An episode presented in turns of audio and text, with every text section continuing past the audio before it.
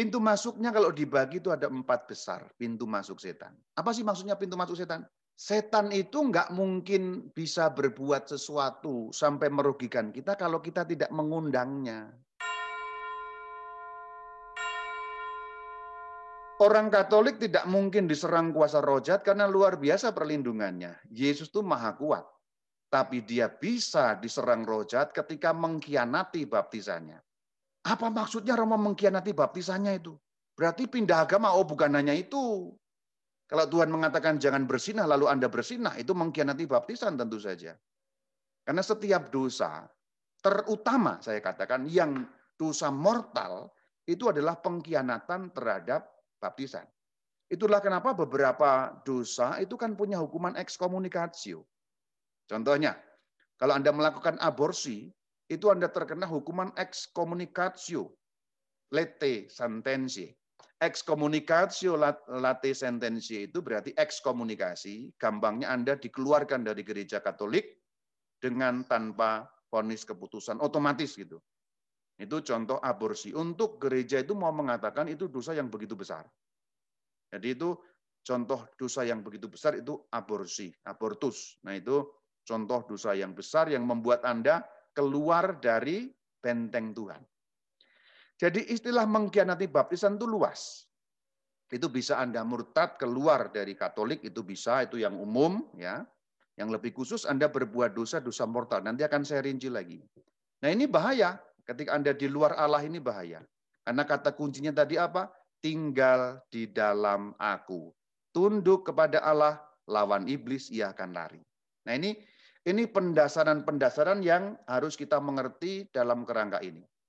Pengusiran setan dalam gereja Katolik itu bukan seperti yang Anda bayangkan seperti karena gini ya.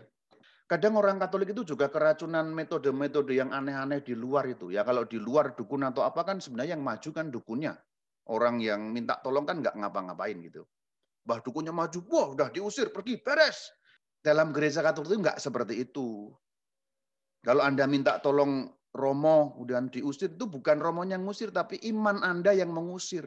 Romo menumbuhkan iman Anda, membuat Anda pede, membuat Anda yakin, sehingga Anda mampu sangat tunduk kepada Allah untuk melawan iblis. Karena janji Tuhan jelas, akan lari daripadamu. Inilah bedanya metode pengusiran setan dalam gereja katolik dengan yang di luar-luar. Kalau yang di luar-luar itu yang maju kan boleh dikatakan dukunnya. Kalau gereja katolik yang maju orangnya sendiri. Romo atau eksorsis itu sebenarnya kan sesungguhnya apa? Mendukung gitu. Mendukung sebagai bala bantuan mengarahkan, menuntun, memberikan metode, memberikan jalan, memberikan pencerahan, dan menguatkan batin, menguatkan iman. Jangan takut, ayo kuat, ayo kuat. Saya di belakangmu, Tuhan Yesus ada. Nah kira-kira gambarannya seperti itu. Sekali lagi, di luar Allah hancur kita. Apa yang menyebabkan kita di luar Allah? Nanti akan saya tegaskan, tapi sekarang ayat kunci lagi Yohanes 15 ayat 6. Barang siapa tidak tinggal di dalam aku, ia dibuang keluar. Nah, perhatikan, keluar ya di luar. Ini berarti orang itu dengan sukarela mengeluarkan dirinya. Setiap kali Anda berbuat yang melawan perintah Tuhan, Anda seperti keluar dari benteng. Dan keluarnya makin jauh. Dosanya agak kecil, yang keluar cuma kepala. Makin gede, setengah badan keluar. Makin gede, seluruh badan Anda di luar benteng. Jadi kalau yang keluar hanya badan mungkin terluka sedikit ya. Itu gambaran tentu saja. Tapi untuk membayangkan seperti itu. Ini memang konteksnya adalah konteks untuk berbuah. Tetapi ini juga bisa ada penerapan di dalam kaitan dengan serangan roh jahat. Ketika kita tidak tinggal di dalam Yesus, kita ini seperti yang ranting kering. Dicampakkan ke dalam api. Kalau menggunakan gambaran benteng, kita seperti di luar. Tidak ada dukungan bala tentara dan perisai perlindungan. Nah itu, sama kan gambarannya. Saya menggambarkan dengan benteng karena konteksnya perang melawan iblis. Yesus menggambarkan sebagai anggur karena konteksnya berbuah, menghasilkan buah. Ini sama, hal yang sama. Ini juga bisa berlaku untuk soal-soal pengusiran setan. Barang siapa tidak tinggal dalam aku, ini kuncinya tadi ini ya. Nah, apa yang dimaksud tidak tinggal dalam Yesus? Ini empat, empat hal. Ini yang disebut pintu masuk setan. Kalau Anda melakukan hal-hal yang akan saya sebutkan ini, Anda sedang mengundang setan untuk masuk dalam diri Anda. Atau dengan kata lain, Anda sedang dengan sukarela keluar dari benteng Allah. Pintu masuknya kalau dibagi itu ada empat besar pintu masuk setan. Apa sih maksudnya pintu masuk setan? Gini loh, setan itu nggak mungkin bisa berbuat sesuatu sampai merugikan kita kalau kita tidak mengundangnya. Kalau kita tidak mempersilahkan dia dan membukakan pintu. Bahasa gampangnya gini, pakai bahasa gambaran. Jiwa kita itu adalah pintu yang hanya bisa dibuka dari dari dalam. Hanya kita sendiri yang mampu membuka pintu itu. Setan nggak mungkin buka. Jangankan kok setan, Tuhan Yesus sekalipun nggak bisa kok buka pintu jiwa kita. Maka dalam kitab Wahyu itu ada gambaran Yesus di luar pintu dan mengetuk. Hanya bisanya mengetuk. Nggak bisa. Karena jiwa kita itu sudah diciptakan demikian oleh Tuhan. Hanya kita yang bisa membukanya sendiri dari dalam. Semoga gambaran-gambaran ini memudahkan Anda ya. Jadi jiwa kita itu kalau kita buka ya hanya dari dalam. Kita mau membuka kepada Allah, ya kita yang membuka. Allah kemudian masuk. Yesus mengetuk, kita bukakan, Yesus masuk. Setan ketuk, Anda bukakan, ya setannya yang masuk. gitu. Ini yang dimaksud pintu masuk setan itu ini. Perbuatan-perbuatan kita yang membuat jalan masuk setan menjadi terbuka. Itu maksudnya. Itu sama dengan dengan gambaran benteng tadi. Anda mengeluarkan diri dari benteng perlindungan Yesus Kristus. Gambarannya sama. Pintu masuk setan berarti kan perlindungannya Anda hilang. Karena pintunya itu satu satu arah, hanya dari dalam. Setan yang paling kuat itu nggak mungkin mendobrak pintu kita. Kecuali Anda dengan sukarela. Nah itu kata kuncinya Anda dengan sukarela. Jadi sebenarnya untuk memahami ajaran Katolik itu agak mudah. Kita kepada Tuhan itu sukarela, kepada setan itu juga sukarela. Jadi istilah diserang setan itu sebenarnya nggak tepat. Ya ada orang yang diserang setan, tapi maksudnya adalah serangan setan itu baru mungkin kalau ada pintu yang terbuka. Itu maksud saya. Gitu loh. Jadi kalau ada pintu yang terbuka itu baru mungkin serangannya terjadi gitu. Apa pintu masuknya? Ada empat. Yang pertama, pintu masuk setan itu adalah yang namanya dosa.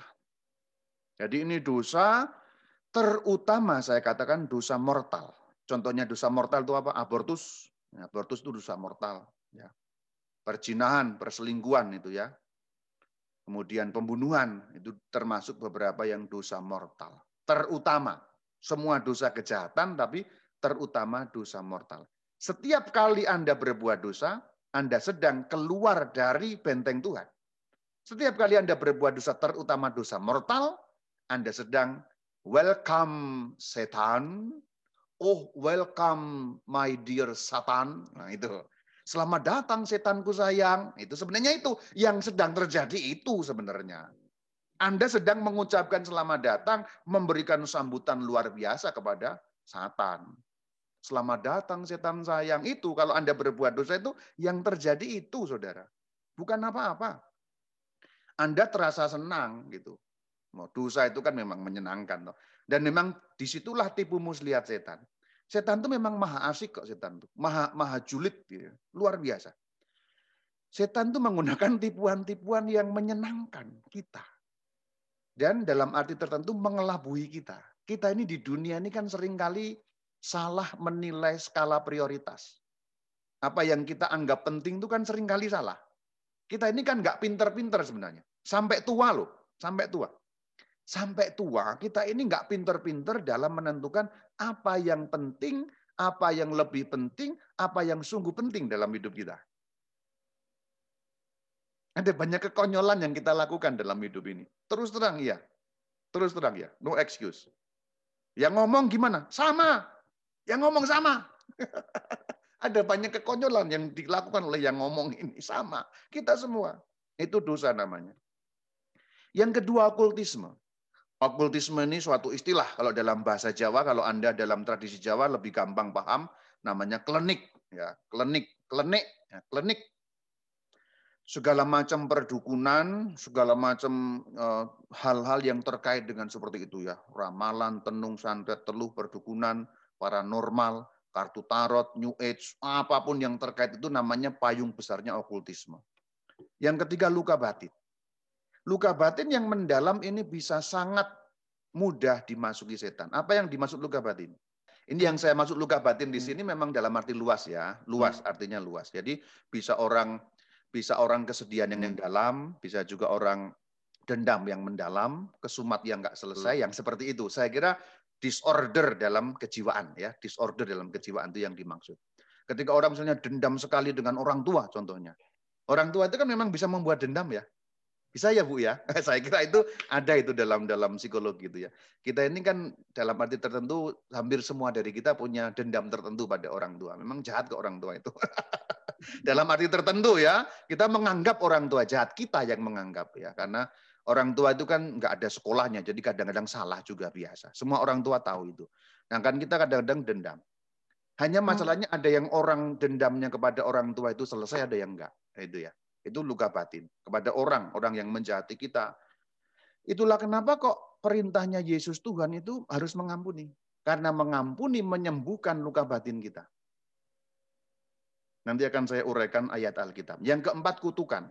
Dan dari keempat ini ada dua yang punya dampak kontaminasi. Ada empat. Yang dua hanya berhenti pada kita. Yang dua itu punya dampak kontaminasi. Maksudnya apa? Dampak kontaminasi itu berarti berdampak pada keluarga dekat kita. Pada suami, oh. istri, anak, cucu. Sampai keturunan tiga atau empat. Itu yang dampak kontaminasi itu okultisme dan kutukan. Jadi kalau Anda main-main ke dukun itu pengaruhnya itu bisa nyambung karena apalagi dengan yang namanya perjanjian darah itu bahaya sekali. Dengan tumbal-tumbal itu yang namanya perjanjian darah itu berarti orang kedukun sudah melibatkan darah. Nyembelih ini, nyembelih itu, apalagi dengan darahnya sendiri ini sangat berbahaya. Sangat berbahaya. Nah itu itu yang dimaksud adalah seperti itu. Ini dampak kontaminasi.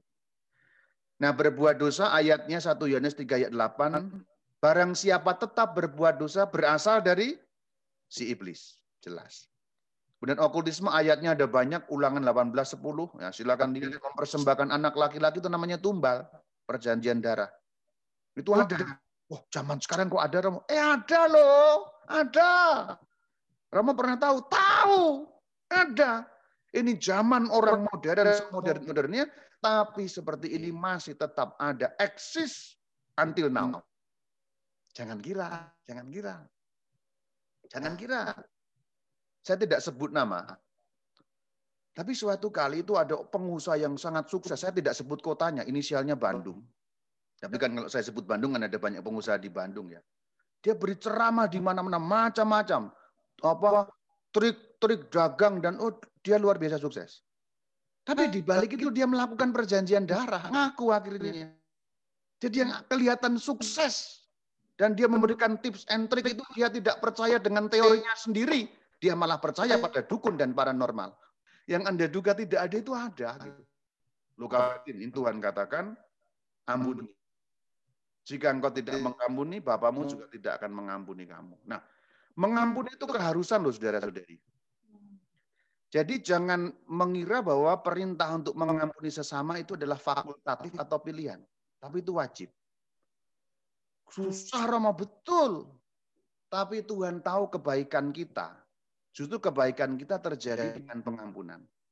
Orang nggak mengampuni itu kan seperti ini sebenarnya, konyol sebenarnya. Meskipun ya bukan konyol karena kalau sudah sakitnya tuh di sini memang sakit banget, memang susah, memang betul, betul, ya. Tapi bahwa pengampunan itu Tuhan tahu kalau kita bisa mengampuni sembuh jiwa kita itu Tuhan tahu, maka kita diwajibkan mengampuni. Orang yang tidak bisa mengampuni apalagi sampai dendam kesumat, itu gambarannya adalah, saya beri gambaran, nanti Anda tertawa. Orang yang dendam kesumat tak bisa mengampuni itu gambarannya seperti minum racun, dia minum racun dan berharap orang lain mati. Keren nggak? Keren nggak? Jadi kalau Anda ini dendam kesumat, itu Anda minum racun dan berharap orang yang kita benci itu yang mati. Itu gambarannya loh. Konyol kan?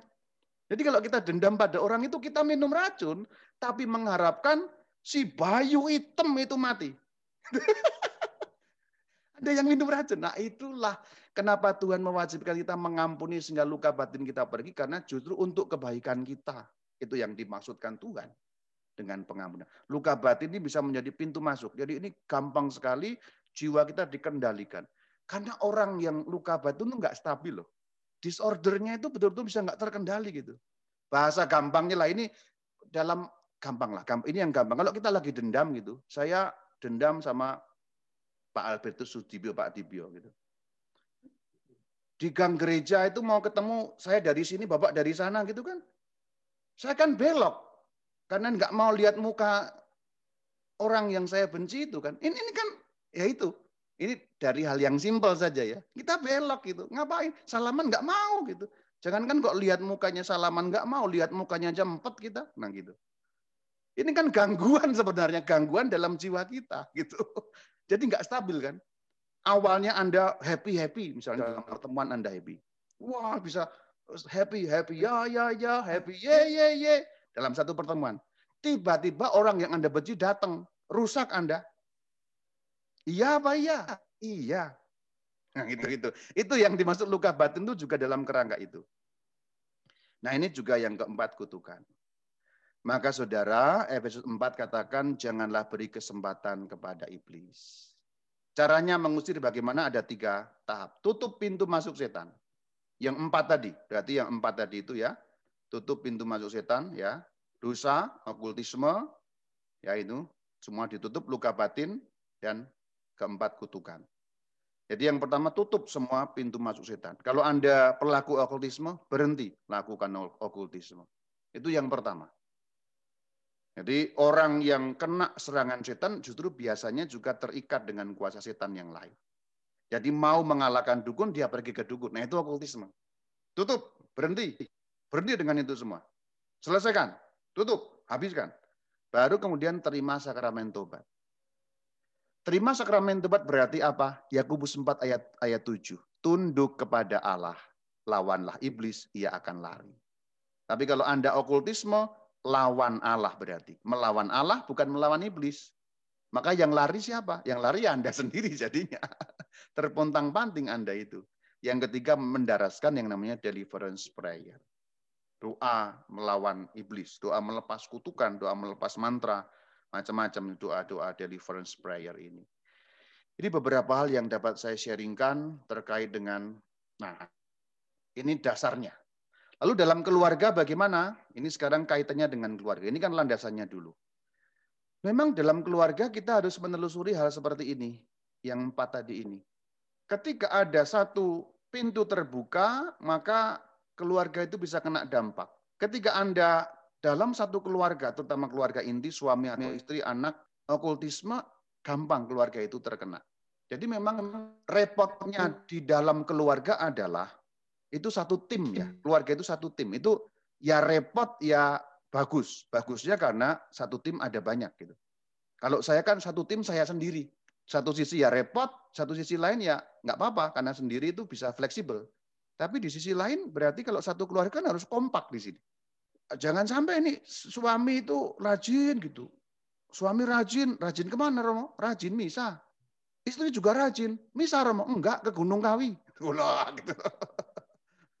Jadi sama-sama rajin tapi arahnya beda gitu loh. Luka-luka batin ini juga bisa terjadi dalam keluarga. Karena justru luka-luka kita ini kan lebih dalam ketika orang dekat yang melakukan. Nah itu ya istri kepada suami, suami kepada istri, dan dipendam nggak selesai, nah itu bisa terjadi luka-luka batin. Dan yang pertama juga jangan lupa, itu dosa. Dosa yang paling umum untuk suami istri ya, ya mohon maaf ya paling umum. Saya tidak sedang menyindir Anda. Kalau Anda ada yang merasa tersindir ya mohon maaf, saya tidak sedang menyindir. Tapi yang paling umum kan berpindah ke lain hati itu loh. Gitu loh. Padahal ada lagunya loh itu. Aku tak bisa pindah, pindah ke lain hati. Ada lagunya, jangan pindah ke lain hati.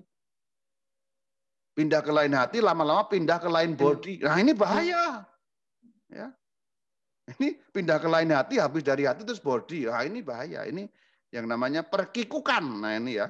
Saya kira ini paling umum dalam situasi suami istri.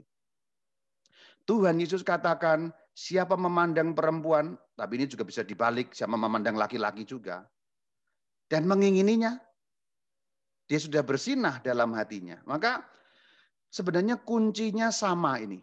seorang yang tidak menikah dan seorang yang menikah sama kuncinya. Setara ini, setara. Persis sama. Karena godaannya sama dan cara mengendalikannya sama. Jadi kalau menikah kan berarti dengan orang lain cari pasangan lain. Apakah yang tidak menikah juga bisa punya godaan seperti itu? Ya bisa. Romo-romo itu bisa ada godaan seperti itu? Ya bisa dong. Kami ini kan cowok normal, bro. Nah, gitu bisa, sangat mungkin, sangat mungkin. Jadi sebenarnya orang yang menikah dan tidak menikah pada titik tertentu berkaitan dengan dosa, terkait dengan kemurnian ya, kemurnian itu kurang lebih sama juga. Ya pendek kata eh, empat hal ini memang perlu diwaspadai berkaitan dengan keluarga. Karena di sini itu eh, pintu masuk setan dan setan lebih runyam ketika merusak keluarga. Karena setan tahu nah begini begini. Setan tuh lebih berusaha menghancurkan sebuah keluarga daripada pribadi demi pribadi karena kalau menghancurkan pribadi kemungkinan yang rusak memang hanya pribadi itu tapi kalau keluarga kemungkinan yang rusak ada dua orang atau warga atau anggota keluarga yang pasti lebih dari dua atau sekurang-kurangnya dua dan keturunan-keturunannya. Kenapa kok keturunan-keturunannya? Karena bisa hmm. membawa luka batin. Keluarga yang broken home itu bisa membawa luka batin pada anak-anaknya, anak-anaknya bisa pada yang meneruskan itu. Terima kasih. Assalamualaikum.